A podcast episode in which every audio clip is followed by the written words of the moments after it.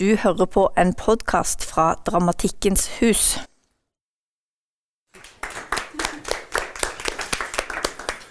Takk for invitasjonen, og hyggelig å se så mange prominente gjester. Dere kan sikkert mer om Slingensiv enn meg, tenker jeg. Um, ja, altså min bakgrunn dere, Jeg, Bo Christer Wallstrøm, er byråkrat og kunstner. Eh, jobber for tiden i en konstellasjon med Trine Falk og Mona Solhaug. Eh, og har vært eh, delaktig i baktruppen siden fra 89 til 2011, eh, når baktruppen la ned. Kristoff Slingensif, hvorfor jeg valgte han, det var en inngang til dels selvfølgelig så farver han også noe av kunstnerskapet. Det, det, er jo ikke klart han var også på samme tid som baktruppen. Eh, jeg skal på en gang si at jeg har bare forholdt meg tre til tre arbeidene av han live. Jeg har prøvd å spørre folk som har sett, men de husker ingenting. Og det er litt av Slingenskift sin ting. Jeg kommer til å ta utgangspunkt i noe som er veldig vel dokumentert, og som sikkert veldig mange kjenner til. Men jeg tenkte jeg skulle ta en sånn kort introduksjon av Kristoff Maria Slingensiff. Født 1960, omtrent som meg. Teater- og filmskapere, og som døde i 2010 av lungekreft. Noe han var utrolig irritert på for at han har lest det meste jeg har lest. Eh, for at han eh, ikke røyket.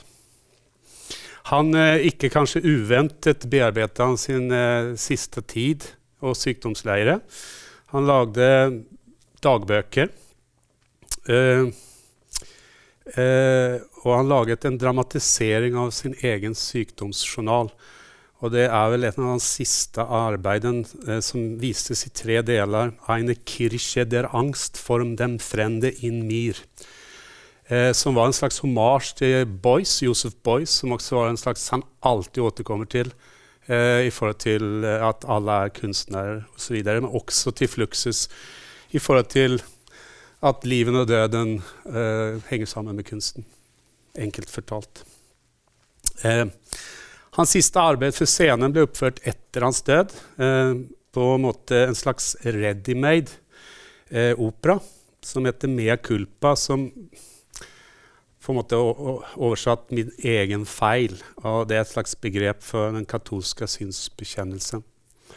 Um, det hadde vært gøy å komme med noen bekjennelser her, eller noen gossips. Det er jo det folk egentlig vil høre. Men jeg kommer å fortsette med Seringens produksjon, som man kan si mildt sagt var energisk, intens og provokativ.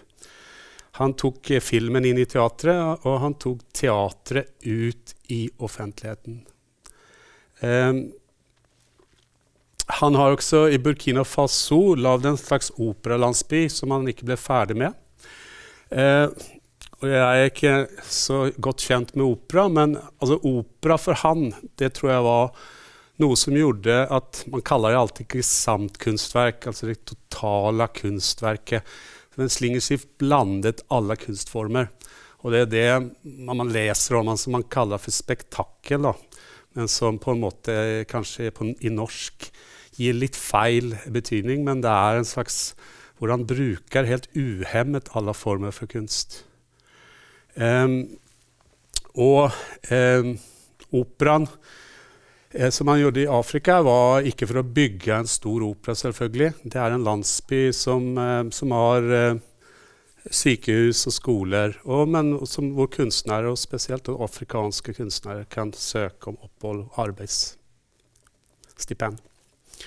Eh, besøk den, er litt morsom. Det er mange, mange gode sitater og tekster fra, fra Slingesif.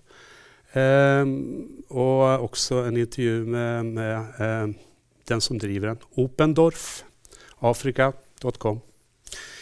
I løpet av 90-tallet ble Slingensief og hans filmer heftig avvist.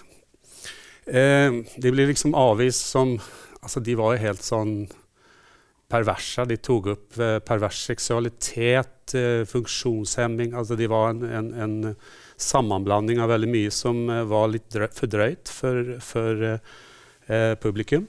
Men, og de ble ofte omkalt som skitt for de intellektuelle. Jeg har sett én film, og det er eh, det, skal vi se, Den tyske tittelen er det tyske eh, Deutsche Ketensegen-massaker. Den tyske motorsågsmassakren. Jeg skal komme tilbake til det. Eh, på 2000-tallet kan man kanskje si, eller det kan se ut som han blir mer anerkjent og respektert, og, og hans arbeid blir invitert på sånn høyborg, kulturell høyborger i, rundt omkring i Europa, bl.a. Wien operahus og Burgteatret, Deutsche Staatsoperan, og til slutt også fikk han paviljongen, eh, den tyske paviljongen Venezia Biennalen.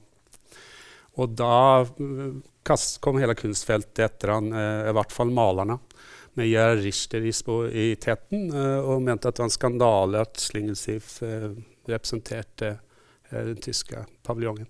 Det er interessant med han også at han, han er ikke så populær blant kunstnerne eller sine kolleger. Foruten da kanskje eh, fyra som han jobba tett med i, i, under folkspillen som jeg kommer tilbake til.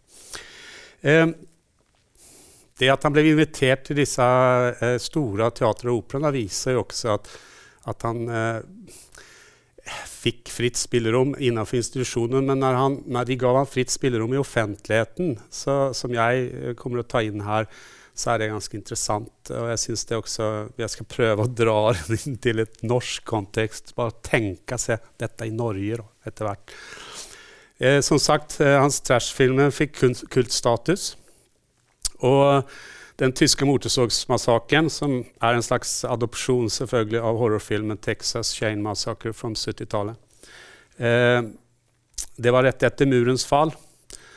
Eh, og handlingen er at etter murens fall så reiser anesløse DDR-borgere til Bayern, hvor de blir slaktet og forvandlet til kjøttfers. det er en, en, slak, en slakker. Filmen ble annonsert, eller han annonserte den på filmplakatene med 'De kom som venner og ble til pølse'. Og den, man kan kalle den for den blodige konsensusforstyrrelsen, som er egentlig hele prosjektet hans. Å forstyrre konsensus. Eh, kanskje ikke som en antagonist, men altså, han vender og vrir og vil hele tiden forstyrre bildet. Bildet av det bestående, kan man si.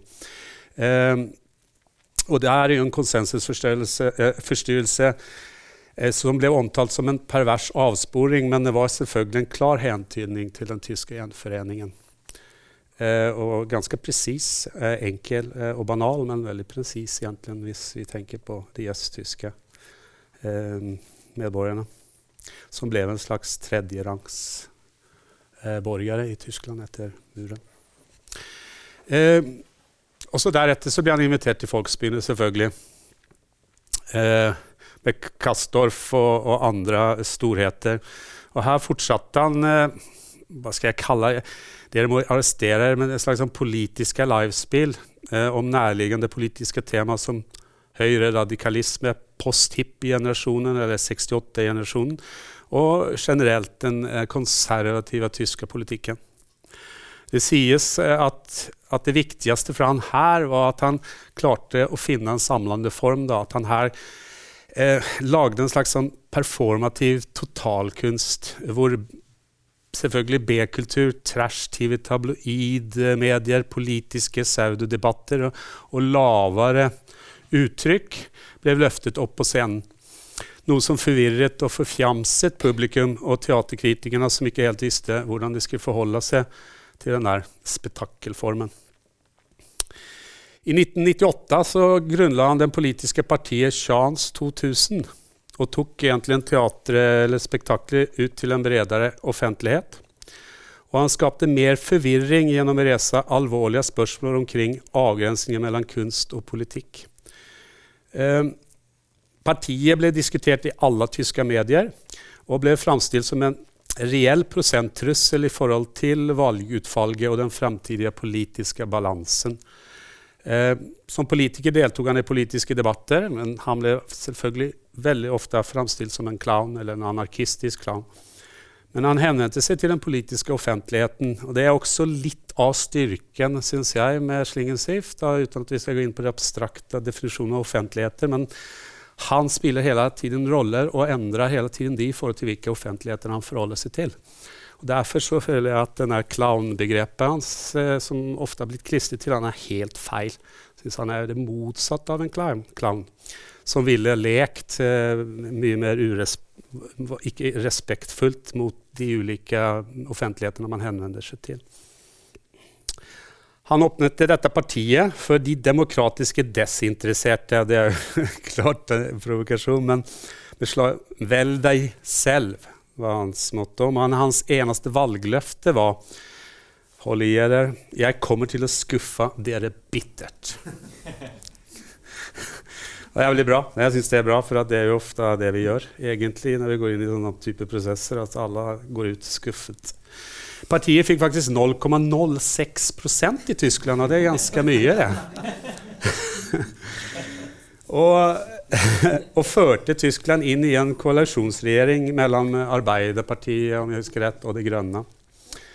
Eh, og gjennom å opprette et politisk parti og bruke valgkampen som arena, slog Slingersiv sikkert opp noen dører til teater og brukte en ny form for dramaturgi i et spillerom hvor myter, konkrete politiske problemer og realiteter ble satt sammen i en slags uforutsigbar teatral demonstrasjonsform i det offentlige rom.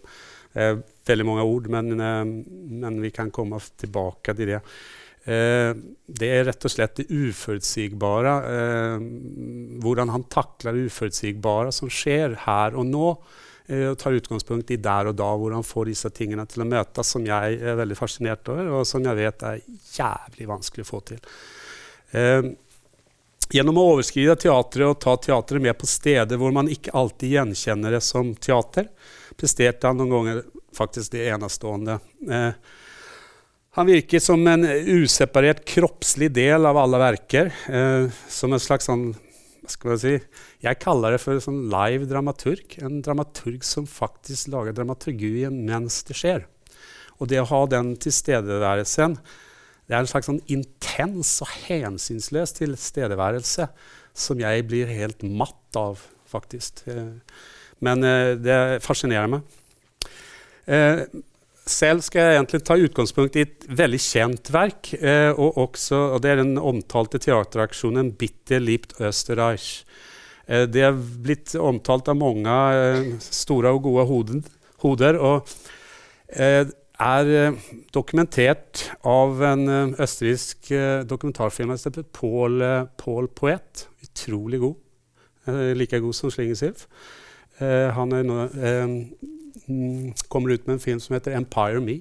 Om, eh, om, eh, rundt omkring i verden hvor mennesker skaper sine egne samfunn på ulike måter. I, eh, den filmen, jeg vet ikke hvor mange som har sett den. Eh, hvis det er det, så beklager jeg. For jeg, jeg, tenkte at egentlig så hadde det vært best å vise den.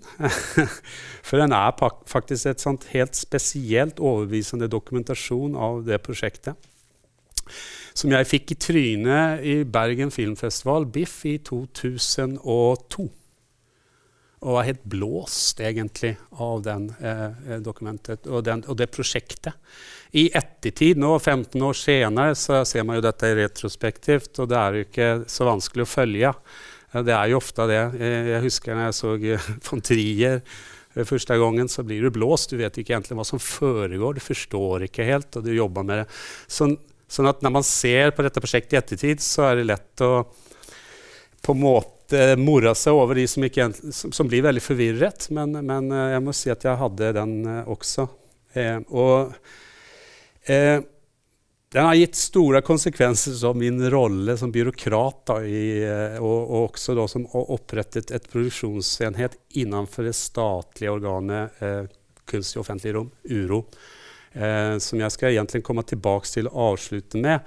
For, eh, for at eh, det er det verket som alltid, alltid lurt på hvordan, hvordan, de, hvordan, han fikk lov. Altså, hva, hva, var det som gjorde at det ikke ble stoppet? Og hva var det som altså Jeg syns det er sånn eh, Dels som produsent, da, altså man kjenner dette eh, utrolig kontrollerte rommet veldig godt, eh, så er det det som jeg egentlig fascineres over òg.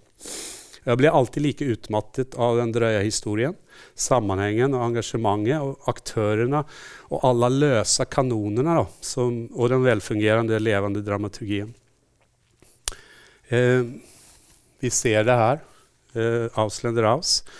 Eh, bakteppet det er ganske viktig å si. da, Bakteppet for aksjonen som varte i syv døgn i juni 2000 i Wien, var at det høyreradikale østerrikiske frihetspartiet FPØ, med Jørg Haider i spissen, et veldig innvandrerfiendtlig parti med nazistiske røtter, for første gangen i Europa altså for første gangen i Europa ble akseptert som en koalisjonspartner i regjering med et konservativt parti, det østerrikske folkepartiet ÖVP.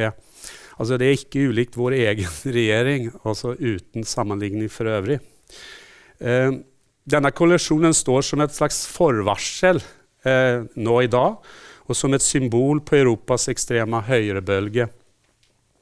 Der og da, og faktisk her og nå, eh, som vi alle er klar over. Det var selvfølgelig protester i Wiens gater eh, etter valget, og EU diskuterte økonomiske sanksjoner mot Østerrike. Og til og med en delegat til Brussel mente at, eller argumenterte skal vi virkelig vente med sanksjoner til de bygger konsentrasjonsleir igjen. Det var ganske eh, politisk klima som var mildt sagt eh, betent. Det var bakteppet. Og det eh, andre bakteppet eh, og dette er jo akkurat samme år. Dette er jo akkurat når de sitter på en måte og, og skal gå i koalisjon. Så det er jo det er liksom sånn direkte svar fra Schlingensief. Uh, uh, og bitte liebt Österreich, please love Austria, eller vær så snill å elske Østerrike, består av flere containere som Schlingensief uannonsert plasserte ved siden av operaen. Som er altså Wiens absolutt turistmagnet. Um, og på taket, som dere ser, også henger det en stor sånn banner som det står 'Ausländer Raus', som er ikke mulig å, å komme åt. Eh, Slingesiv sier også i begynnelsen av filmen at, at, om jeg bare hadde skreket 'Ausländer Raus', så hadde dere bare sagt at jeg var et rasshøl, og det var det. Det er noe helt annet når den ikke kan fjernes som et valgbanner, eh, og at du ikke kan gjøre noe med det. Og alle sympatiserende horder kommer ut av deres hull og hyller bannerteksten som utagerende gærninger og troll. Og det er jo det denne teksten også gjør. Altså, den spiller en, en helt sånn hovedrolle i hele, hele denne eh, prosjektet. Containerne er innredet med soverom, kjøkken, toalett, stue og en liten hage. Seks kameraer som skal overvåke tolv asylsøkere som deltar frivillig. Eh, som, som eh, er fra land som Irak, Kosovo, Kurdistan, Kina, Kamerun og Zimbabwe. Nigeria og Sri Lanka, og som selvfølgelig venter på behandlingen av sin søknad. Og de kommer fra nærliggende asylmottak. Via peepholes i containerne så kan man altså se, følge med på disse, hvordan de lever, og man kan mate dem. Eh, via Internett eh, og en side auslenderraus.at og en fri, fri web-TV, så kan man følge asylsøkerne. Og poenget er at du skal votere hvem du liker minst. Eh, to asylsøkere blir eh, tatt ut hver dag. Eh, det går, pågår i, i, døgnet i syv dager. Og eh, ca. 300 000 mennesker deltar i voteringen. Eh, og de, altså, de, stemmer egentlig på den de ønsker skal bli deportert fra Østerrike. Asylsøkerne de bærer parykker og, og, solbriller og er ganske anonymisert. Eh, deres, når de kommer, når de ankommer bussen, så, så leses deres biografier opp, korte, og, de, og de spiller korpsmusikk. Den siste som blir igjen, da, vinner 35 000 skilling. Forestillingen er en del av programmet til den ganske konservative kulturfestivalen Wiener Festwoche Noe som også er ganske oppseendevekkende. Um, og de ønsket å selvfølgelig ha en slags sånn politisk manifestasjon her. Og det er også interessant at et såpass hva skal man si, eh, sub, subsjonert teater ønsker å, å, også ta en slags sånn politisk stilling. Slingensif står på taket med en megafon. Eh, det er også megafon til eh, mennesker. Eh, han begynner med å skrive, skrike, jeg tar det på engelsk. The container is coming, a serious situation. Pick your own foreigner, give him your vote. Deportasjonen har startet. Han står på taket og fortsetter å forklare spillereglene noen minutter før transporten med asylsøkerne ankommer. De skal plasseres i stuen under hvor han står, og over 500 mennesker har møtt opp. Masse kameror og sikkert 30 journalister. This is foreigner out. This is Vienna. This is Nazi. This is you and I. Skriker han. I forkant for Bitter Lipt Österreich forhandlet også Slingesif med festivalleder Luc Bonny, som er uh, den som uh, tatt, han inn, men som etter hvert rygger unna prosjektet.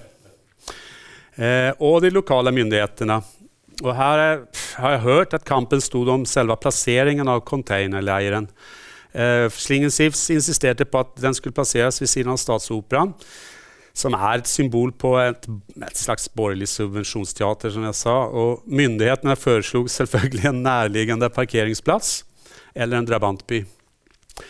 Eh, innvendingene gikk på om skattebetalernes penger skulle brukes på et slikt prosjekt, og om det kunne skade østerriksk omdømme og turistindustri.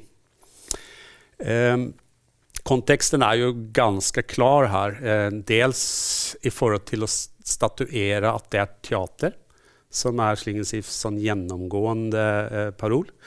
Eh, det andre er jo også at eh, de slags på en måte humanistiske verdiene som ligger i det borgerteater eh, i, i, forhold til denne industrielle, container, funksjonalistiske eh, estetikken, er veldig sånn e, enkel og forståelig eh, Hva skal man si Hva heter den her ting? Ja.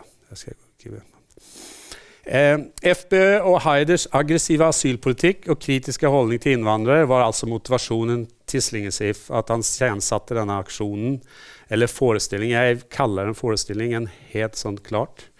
Han ønsket å fritt eksponere FBØs rolle, slik at alle østerrikere og resten av verden faktisk selve skulle ta stilling til hva hva eh, de mente om regjeringens koalisjonspartner.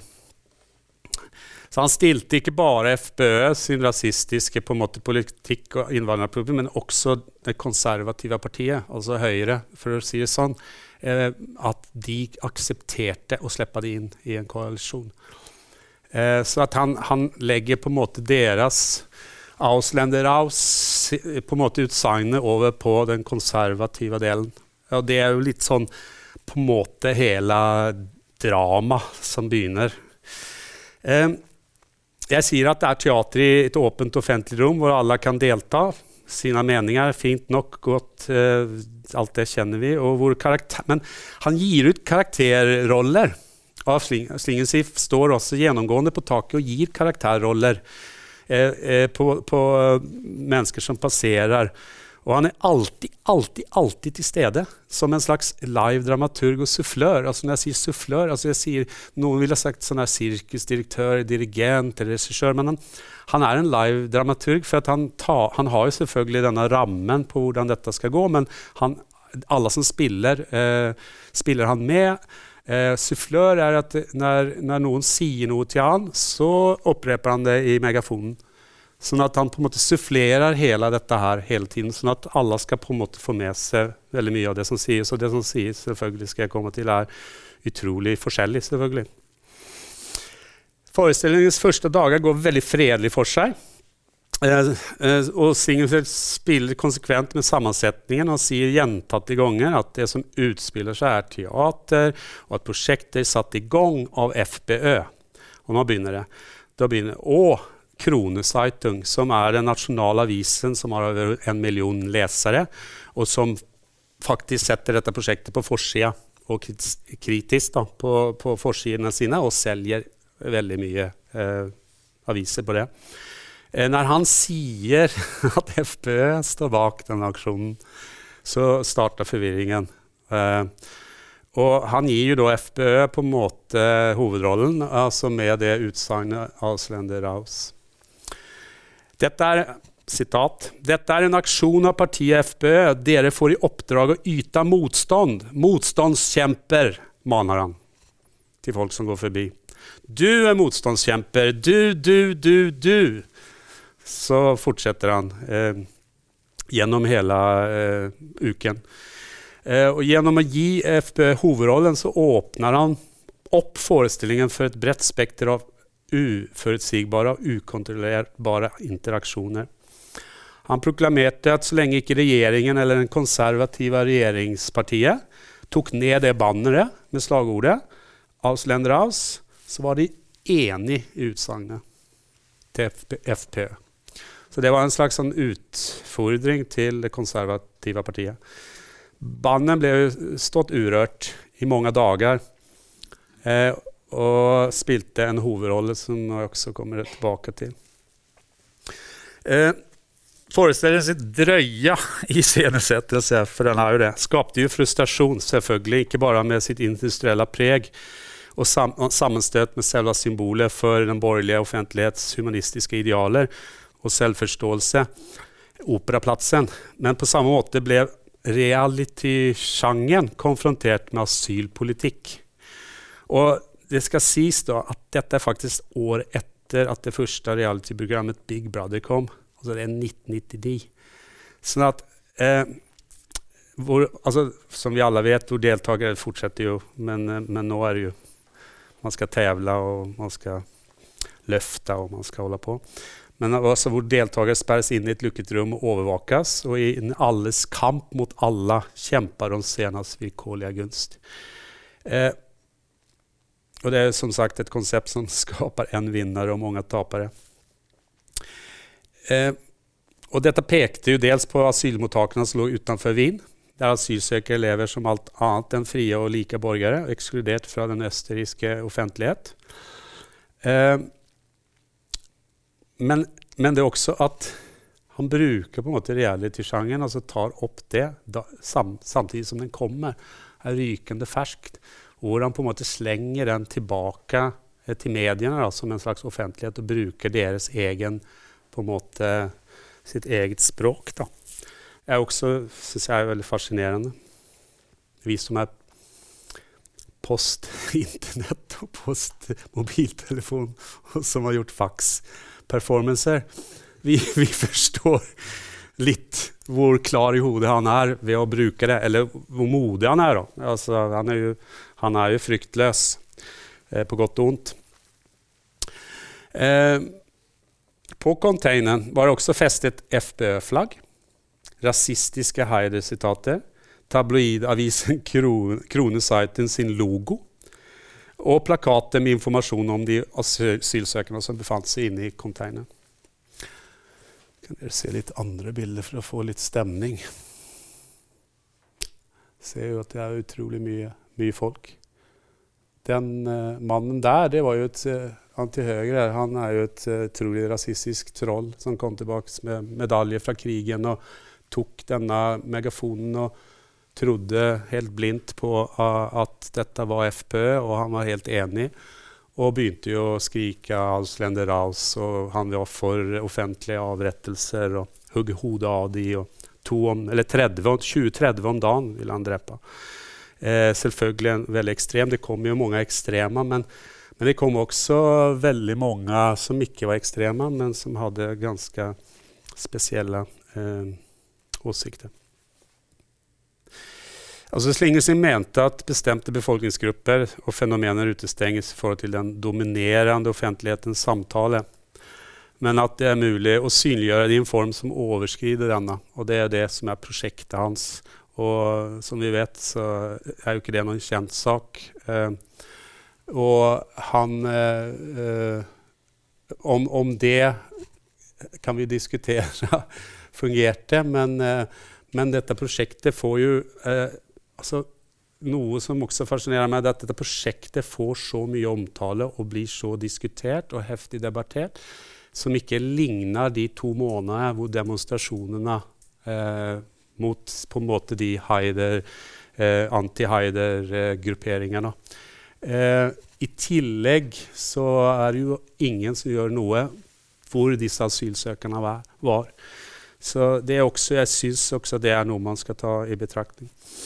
Eh, det viste jo selvfølgelig at det var lett å misforstå hele den aksjonen fra begge sider. Eh, for fredsaktivistene og motstandskjemperne. Og Slingensiff mente videre at han var nødt å forstyrre dette helhetsbildet, som presentertes som det korrekte bildet. Hele containerleiren sier han, var en slags sånn forstyrrelsesmaskin av disse bildene.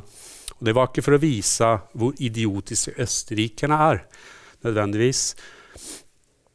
Eh, og han satte dermed lys på en sånn tankevekkende forbindelse til historiske tabubelagte folkeutstillinger, Human Soul, og samtidens realityshows. Framfor å stille seg utenfor denne spektakulærkulturen benyttet han den. Eh, og det var publikums interaksjon da, og handlinger som sto i sentrum, som påvirket handlingen i forestillingen. De ble aktører og uførte handlinger som forandret forløpet. Eh, asylsøkerne ble forsøkt befridd flere ganger. Det var aksjon, altså, de prøvde å tenne det på, de prøvde å slenge syre på kveldene. De, de hacka seg inn på websida, de stengte den ned. Altså, det var hele tiden under angrep, men under angrep fra to hold. Eh, på en måte. Og det er her også jeg ikke forstår, for at tider så er eh, eh, altså, det er veldig sivilisert de første dagene. Da diskuterer folk på en veldig sånn, respekterer hverandres mot, altså, motargumenter. Men så begynner det å ta av, og det er på en måte når de offentlighetene, de grupperingene som ligger latent i vårt samfunn, og på en måte som er helt avklarte, altså venstre- eller høyresider, eh, når de begynte på en måte å samle seg, så ble det mye mer en aggressiv og heftig stemning eh, i prosjektet. Det er noen som også sier at det ble veldig varmt eh, eh, de siste dagene. At den heten også gjorde de mer Ja. Vi har bruk for et utvidet teaterbegrep som innebefatter verdens karakter av scenesettelse. Politikere spiller, alle spiller. Vi har havnet på en kjempescene. Det er jo eh, Slingensiff. Eh, det er jo ikke nytt, det hører man jo i retrospektiv historisk, men det er der han er. Og for å ytterligere tydeliggjøre skuespillets altomfattende karakter, så spilte en skuespiller også rollen som Slingensif. Så han er altså en sånn, Og det er en dobbeltgjenger som faktisk eh, gjør det ganske halvbra. Eh, så som også gjør at For han Det er jo også det man ser. Han, jo, han står nede blant disse menneskene. og Det passer aggressivt noen ganger, og kast, altså det kastes ting på han. Og, han står i det, og han prater med dem. Han prater og sier at det er sånn og sånn. Han forklarer situasjonen. Eh, men det så jo også tvil når han har en dobbeltgjenger, hvem han egentlig er. selvfølgelig. En overordnet grov dramaturgisk ramme, selvfølgelig ganske lett, enkel, som strukturerer aksjonens forløp. Eh, dagene hadde faste rutiner med ritualer både morgen og kveld. På morgenen ble asylsøkerne vekket av lydopptak fra Haiders innvandrerfiendtlige taler, som spiltes kjempehøyt. Det var morgengymnastikk og tyskundervisning på taket. Mens på ettermiddagene fikk de besøk av kulturpersonlighetene som bl.a. dramatikeren Elfrid Jelinek, som eh, lagde og spilte dukketeater med asylsøkerne. og alle disse fenomenene som oppsto i løpet av aksjonen, ble betraktet som en del av forestillingen, og det kjenner vi også, selvfølgelig. Men men på en eller annen måte så er ikke dette bare sånn, noe man bare sier. Det er noe han faktisk makter og klarer å ta tak i. Og det er det også jeg syns med denne forestillingen her. At eh, det er en sånn merging, og det er, det er noe så helstøpt i det. Eh, det kommer jo til, det har en sånn dramatisk akse som vi kommer til, og hvordan han takler den også, syns jeg er imponerende. Eh, og så, det som skjedde da, ble hele tiden aktivt behandlet, integrert og direkte besvart av Slingensief. Som nå ble til nye handlingsforløp. Altså han stakk aldri av. Han eh, egentlig eh, snakket med de eh, eh og svarte på alle motforestillinger. Forestillingen produserte konstant ny dramatikk. Møter, relasjoner, situasjoner mellom ulike medier og grupper i et helt sånn manisk tempo. Det bare øker. Det blir helt manisk. Eh, og det er til tider hundre av mennesker altså Det er så mye folk, og det er så mange som mener og diskuterer. Eh, Slingensies forestilling utsagn ble altså konstant utfordret, istemt eller forkastet. Alle ble innlemmet i en kollektiv produksjon uten at han egentlig avsa seg rollen som, som den arbeidende dramaturgen, eller spillederen, da, som man også kan si. For jeg føler også at dette er en slags sånn begynner, begynner, å kjenne det igjen i sånn living. Altså, det er ikke noe publikum. Hvorfor gjør man dette? Altså, det er ingen publikum der. Det er en slags living, og spillereglene og fiksjonen er satt. Det er bare det at de, det, den skjer der ute. sånn at De som kommer, skjønner ikke helt at den er faktisk satt. da. At det er en slags forestilling. Eh, og at de begynner å blande denne forestillingen og sin virkelige engasjement og sin, sin reflekt reflektiv, altså refleksive på en måte um, reaksjoner. Um, han roper konstant 'Dette er en forestilling fra operaen. Dette er en skuespiller peker på. Dette er den absolutte sanning.' Hele tiden motstridende, hele tiden uh, rettende. Stemningen stiger etter hvert og blir ganske aggressiv og uforutsigbar. Og til slutt så når han sin dramaturgiske høydepunkt da en mengde anti-Haider-demonstranter stormer containeren for å befri asylsøkerne. Med masker og hetter og steiner. Og, og da Slingersiv står ganske oppgitt i den situasjonen og, og, og spør de befri dem til hva? Eh, og det er en sånn, Akkurat der så er det topp. Han gir fra seg prosjektet. Og du ser på en måte altså hundrevis av demonstranter som kletrer opp og knuser containerne og river sønder bannene og sprayer. Og det er jo selvfølgelig anti-Heide. Eh, og, og, hvor de på en måte skal befri disse asylsøkerne. Og hvor Slingensief hele tiden sier eh, og jobber med saken at de, de, de, kan ikke befri, de er redda, dere må trekke dere unna.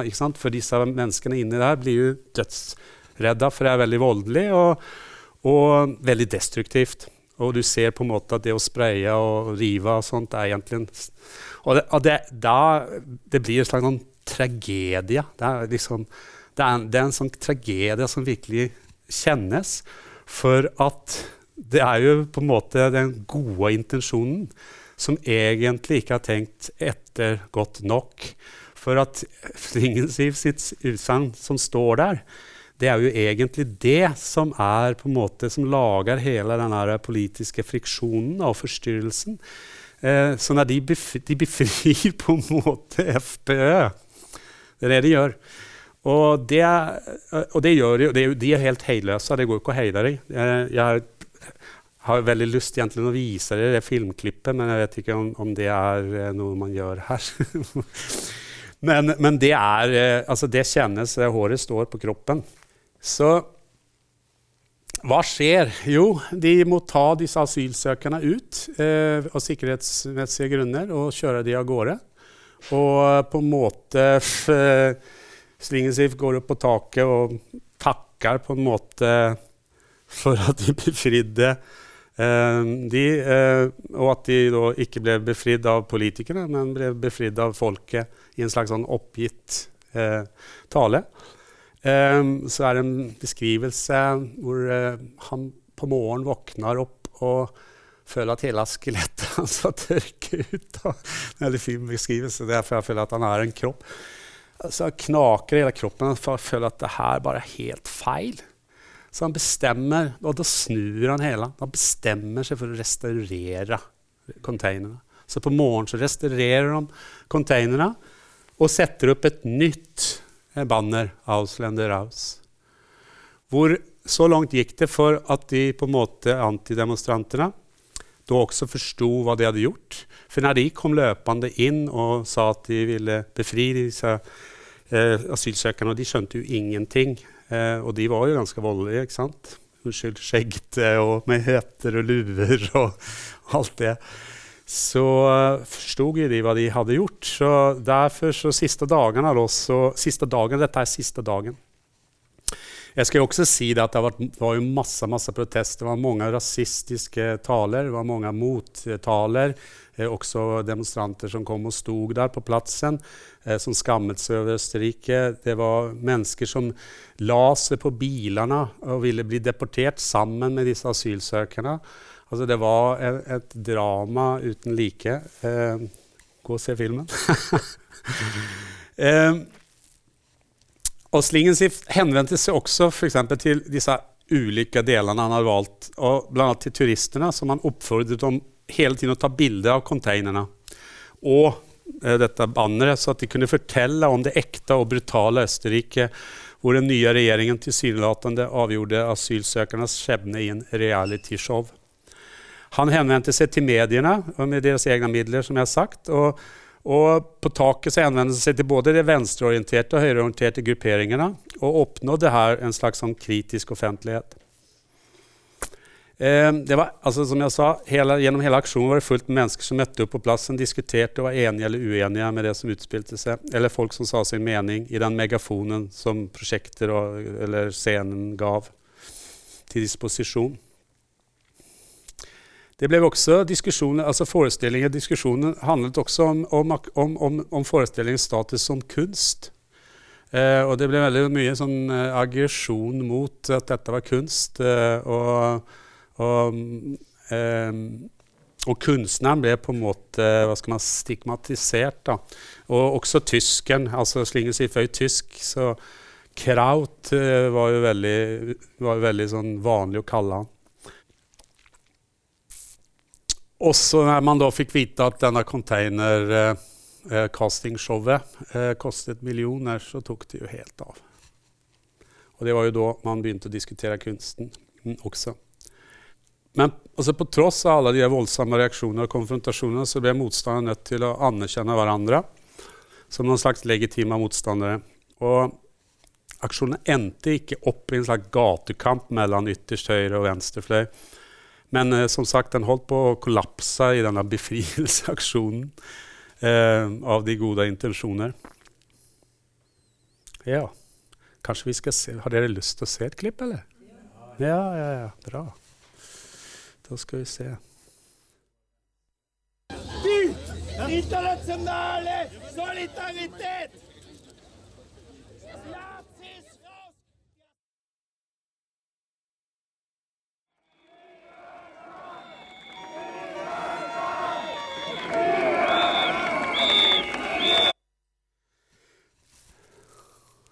Neste dag så satte han opp igjen. jeg tenkte kanskje jeg skal også bare, siden også altså han blander vi kan, jeg, vet, jeg tror jeg husker Skal jeg se om jeg husker Positiv halt, wenn zwei Leute, die nicht da äh, im, im unmittelbaren Bereich sich provozieren. Wir sind alle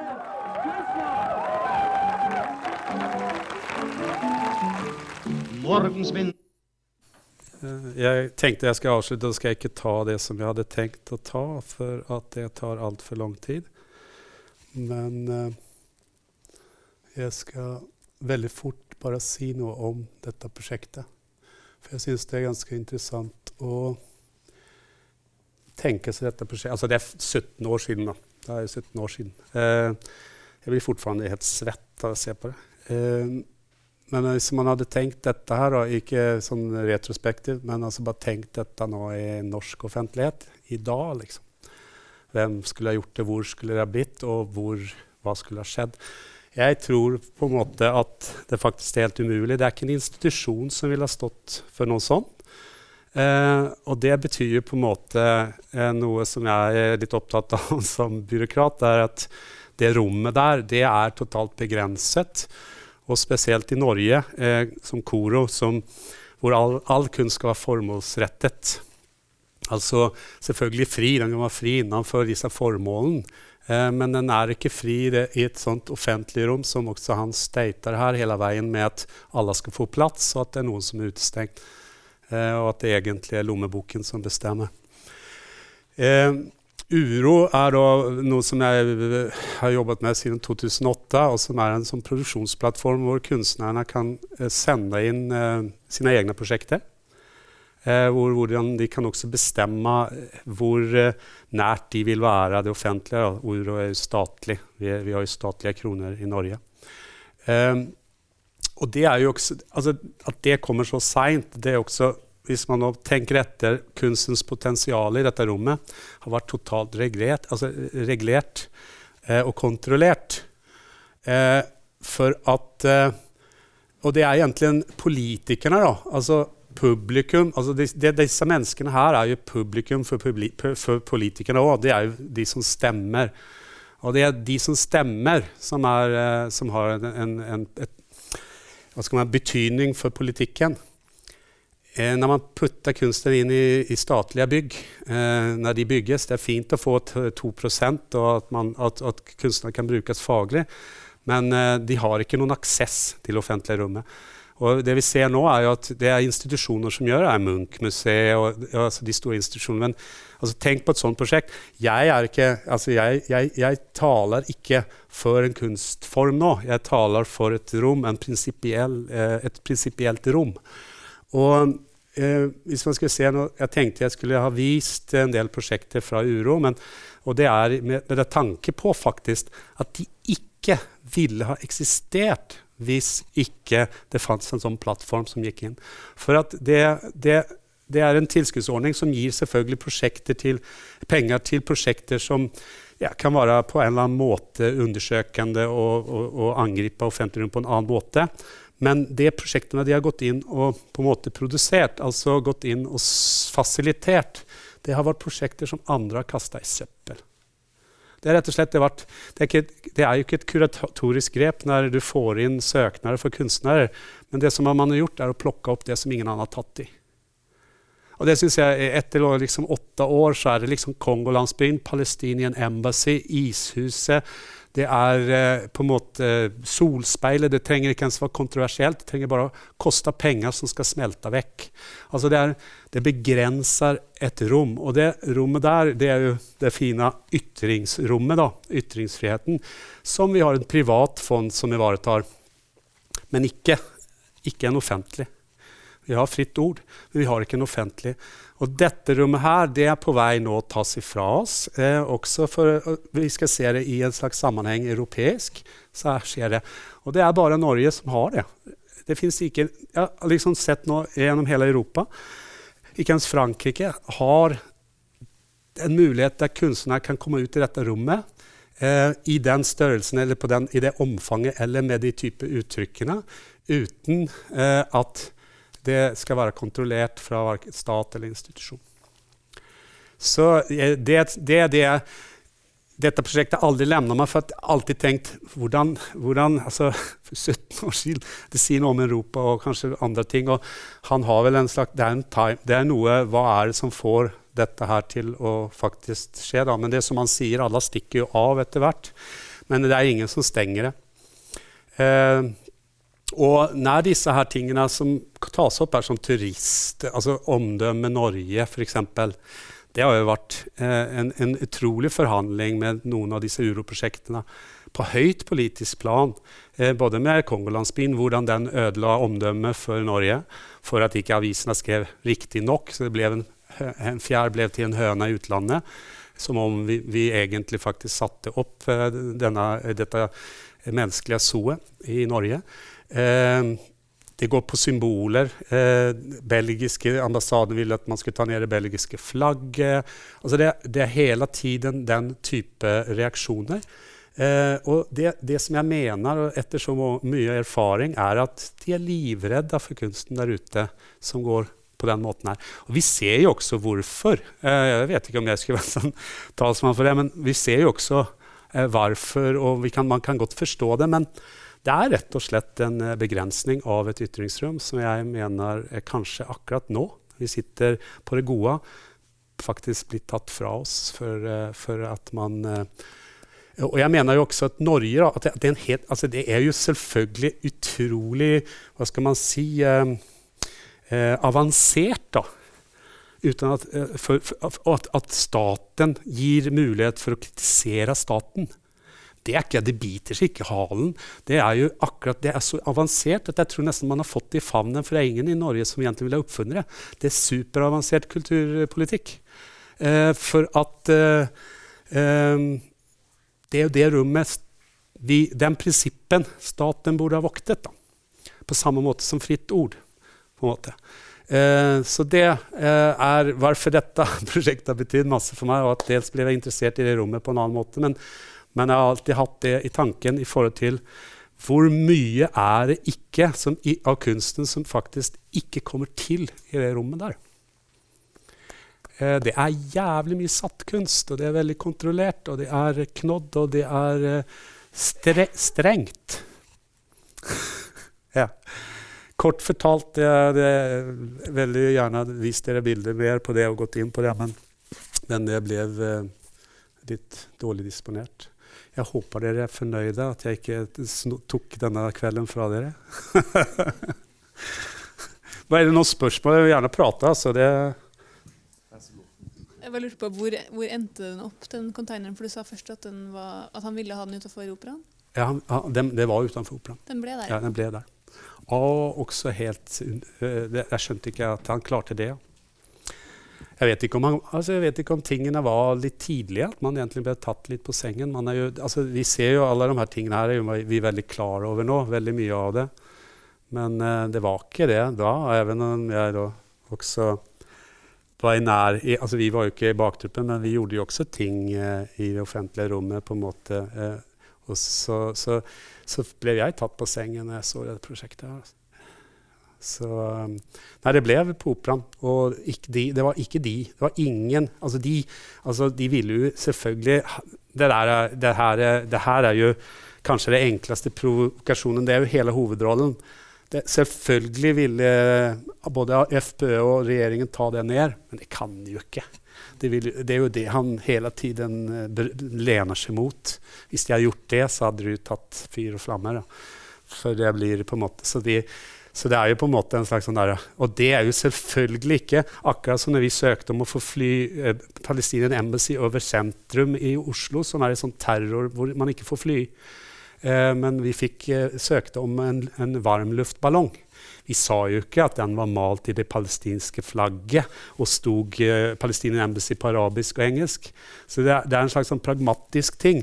Han må ha vært det. Han kan ikke ha sagt at det skal stå Aslender Raus på den containeren der. Det er jeg helt overtyget om. så, så uh, hvordan han har fått til dette det, Men uh, vi ser jo på han at han er, han er jo veldig bevisst sin rolle. da. Veldig sånn klart bevisst sin rolle. Um, og han holdt nesten på å bli drept av denne dama her.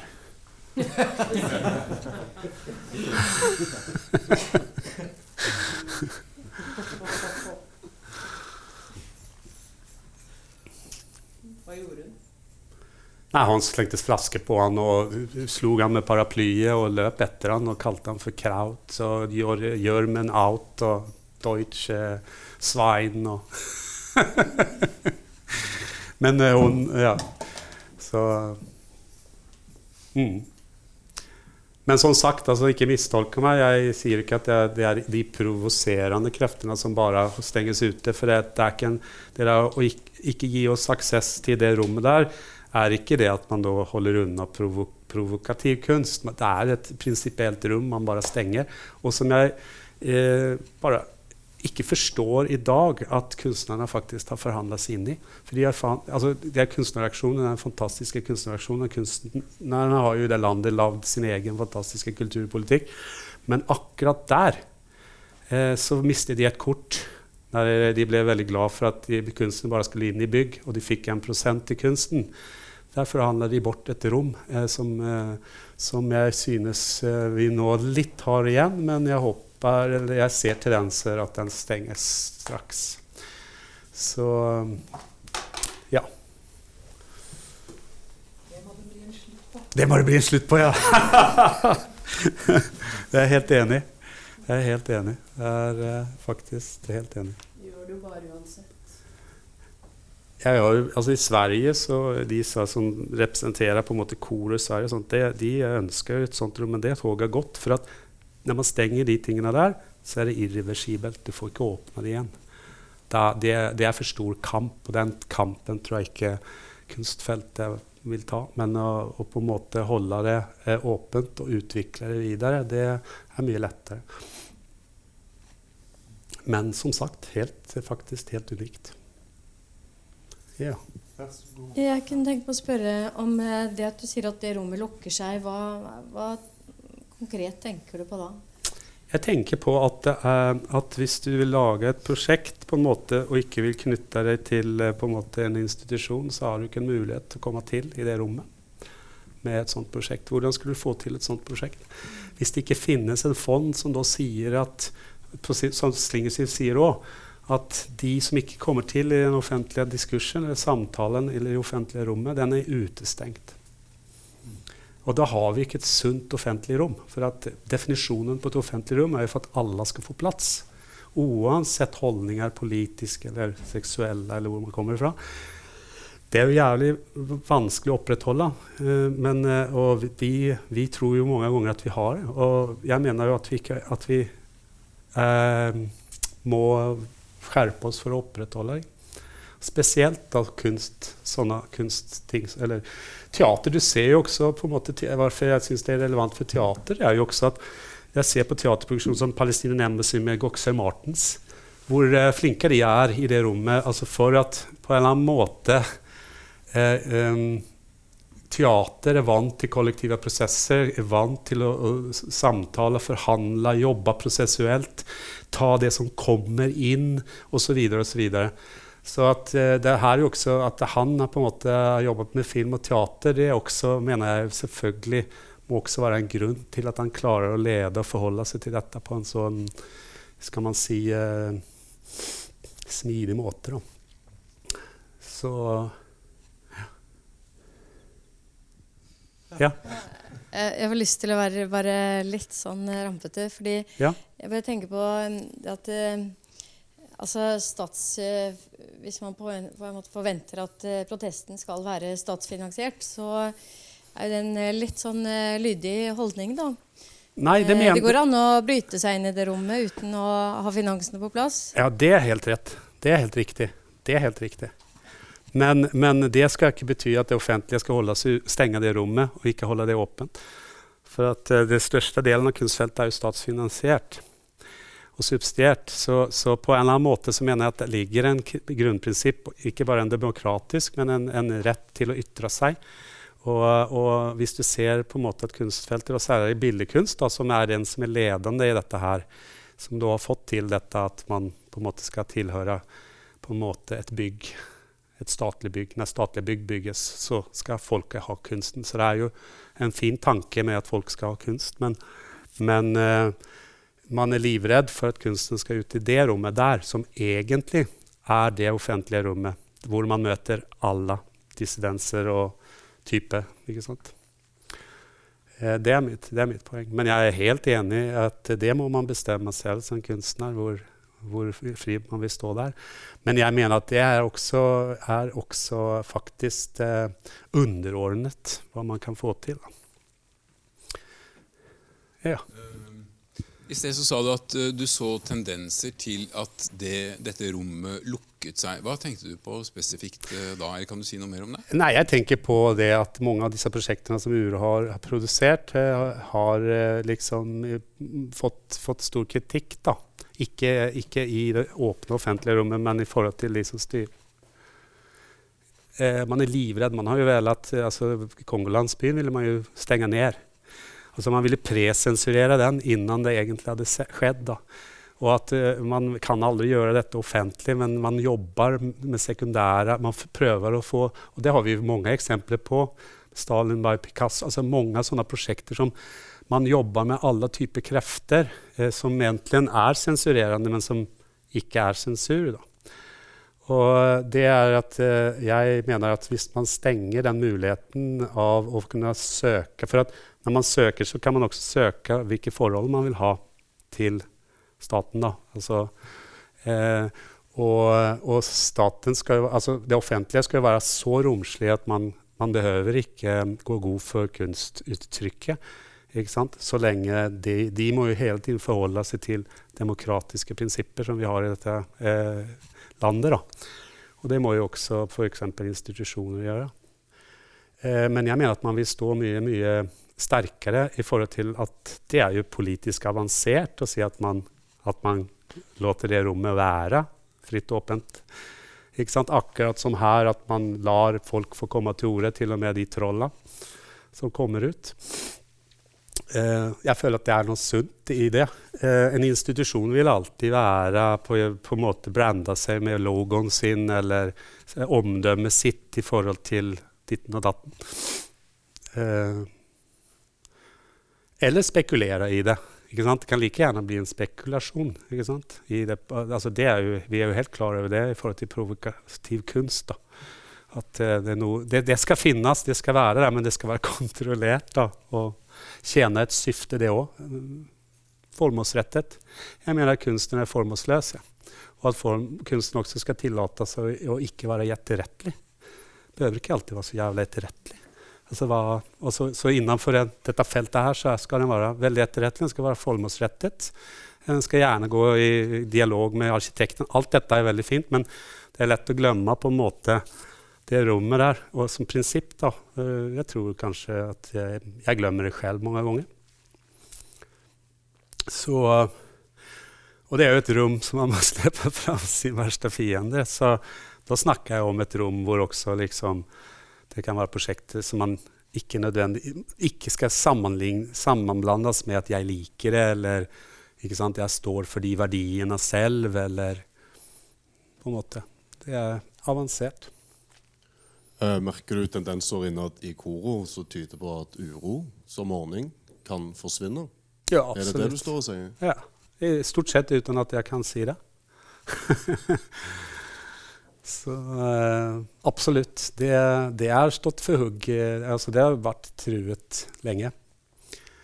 Eh, og det er jo for at ingen vil på en måte ta tak i den definisjonen av den avanserte politiske definisjonen. Jeg har vært i møte med franske kulturpolitikere som virkelig vil vite dette. Som på en måte har vært på besøk her, som syns det er superavansert.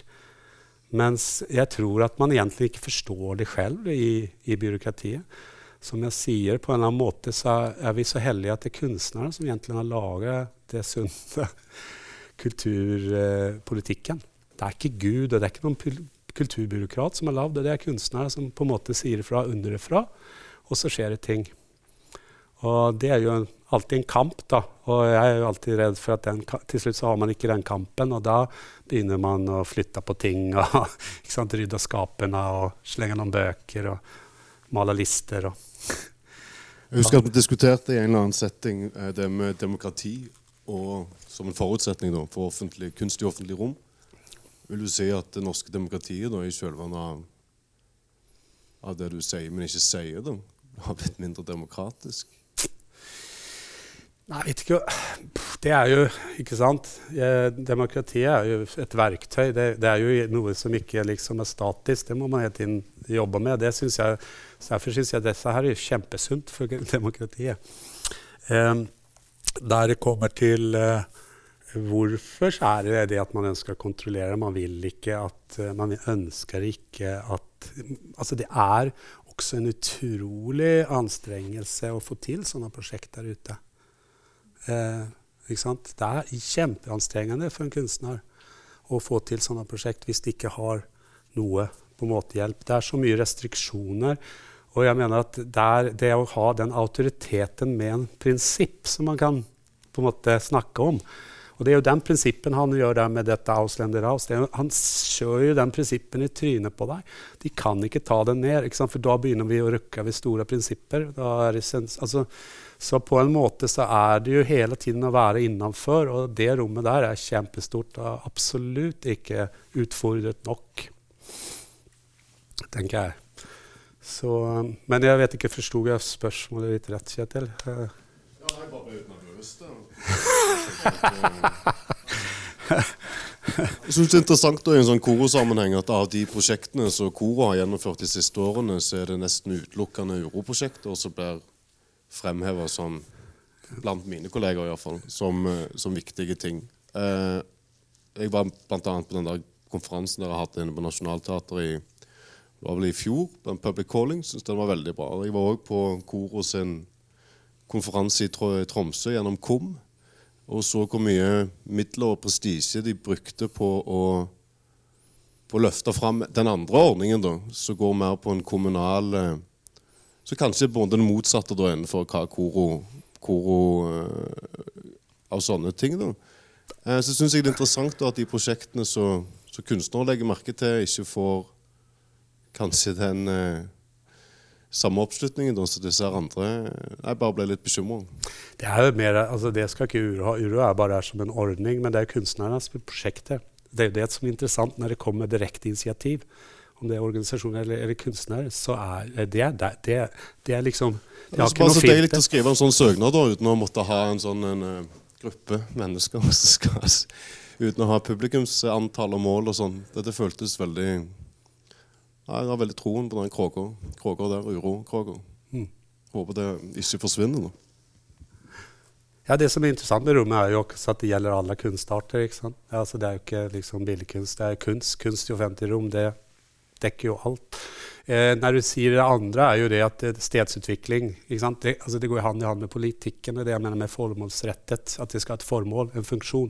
Man må finne en funksjon. Kunsten, kunstneren skal gjerne sitte nå i møter og være kreative for at de kan tenke litt gærent og sånn, sånn at vri på en fastlåste prosesser. Og man prøver hele tiden å finne på en måte en slags sånn funksjon da, til, til kunstneren. Altså, og det jeg sier også at uh, formålsløst, på en måte, det er vel først og fremst kunsten, og egentlig også denne som han sier. da. Ein, die Kunst must be frei. Liksom. Vi må nesten tilbake der, eh, har jeg en følelse av. For vi, vi får en sånn følelse av en slags sånn At vi tror det. Teaterfeltet har en annen. De har jo til og med definert seg som det frie scenekunstfeltet. Altså det er, det er jo en veldig sånn egentlig eh, er ikke så ufri stilling der, men det er veldig sånn klar, i hvert fall uttalt. Eh, men, eh, men innenfor det der, eh, og det er politisk. Og hvorfor det? Hvorfor da? Tenk at det kunst og offentlige rom ligger så tett i politikken. Til politikerne. Hvorfor? Jo, det er for at det der er velgerne deres. Det er jo ikke noe annet. Det er for at de anerkjenner kunstens potensial. Ikke kunstnerne. Kunstnerne ser ikke den. Av en eller annen grunn. Jeg skjønner det, for det er, verdens, altså det er kunstens beste, beste bank. Ingen som skal endre på det.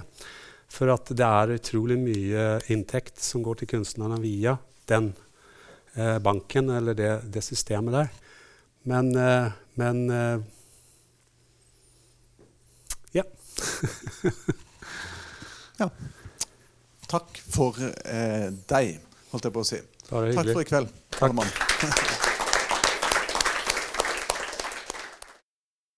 Vil du høre flere foredrag? Se våre nettsider og kom til Dramatikkens hus annenhver tirsdag klokken 19.30.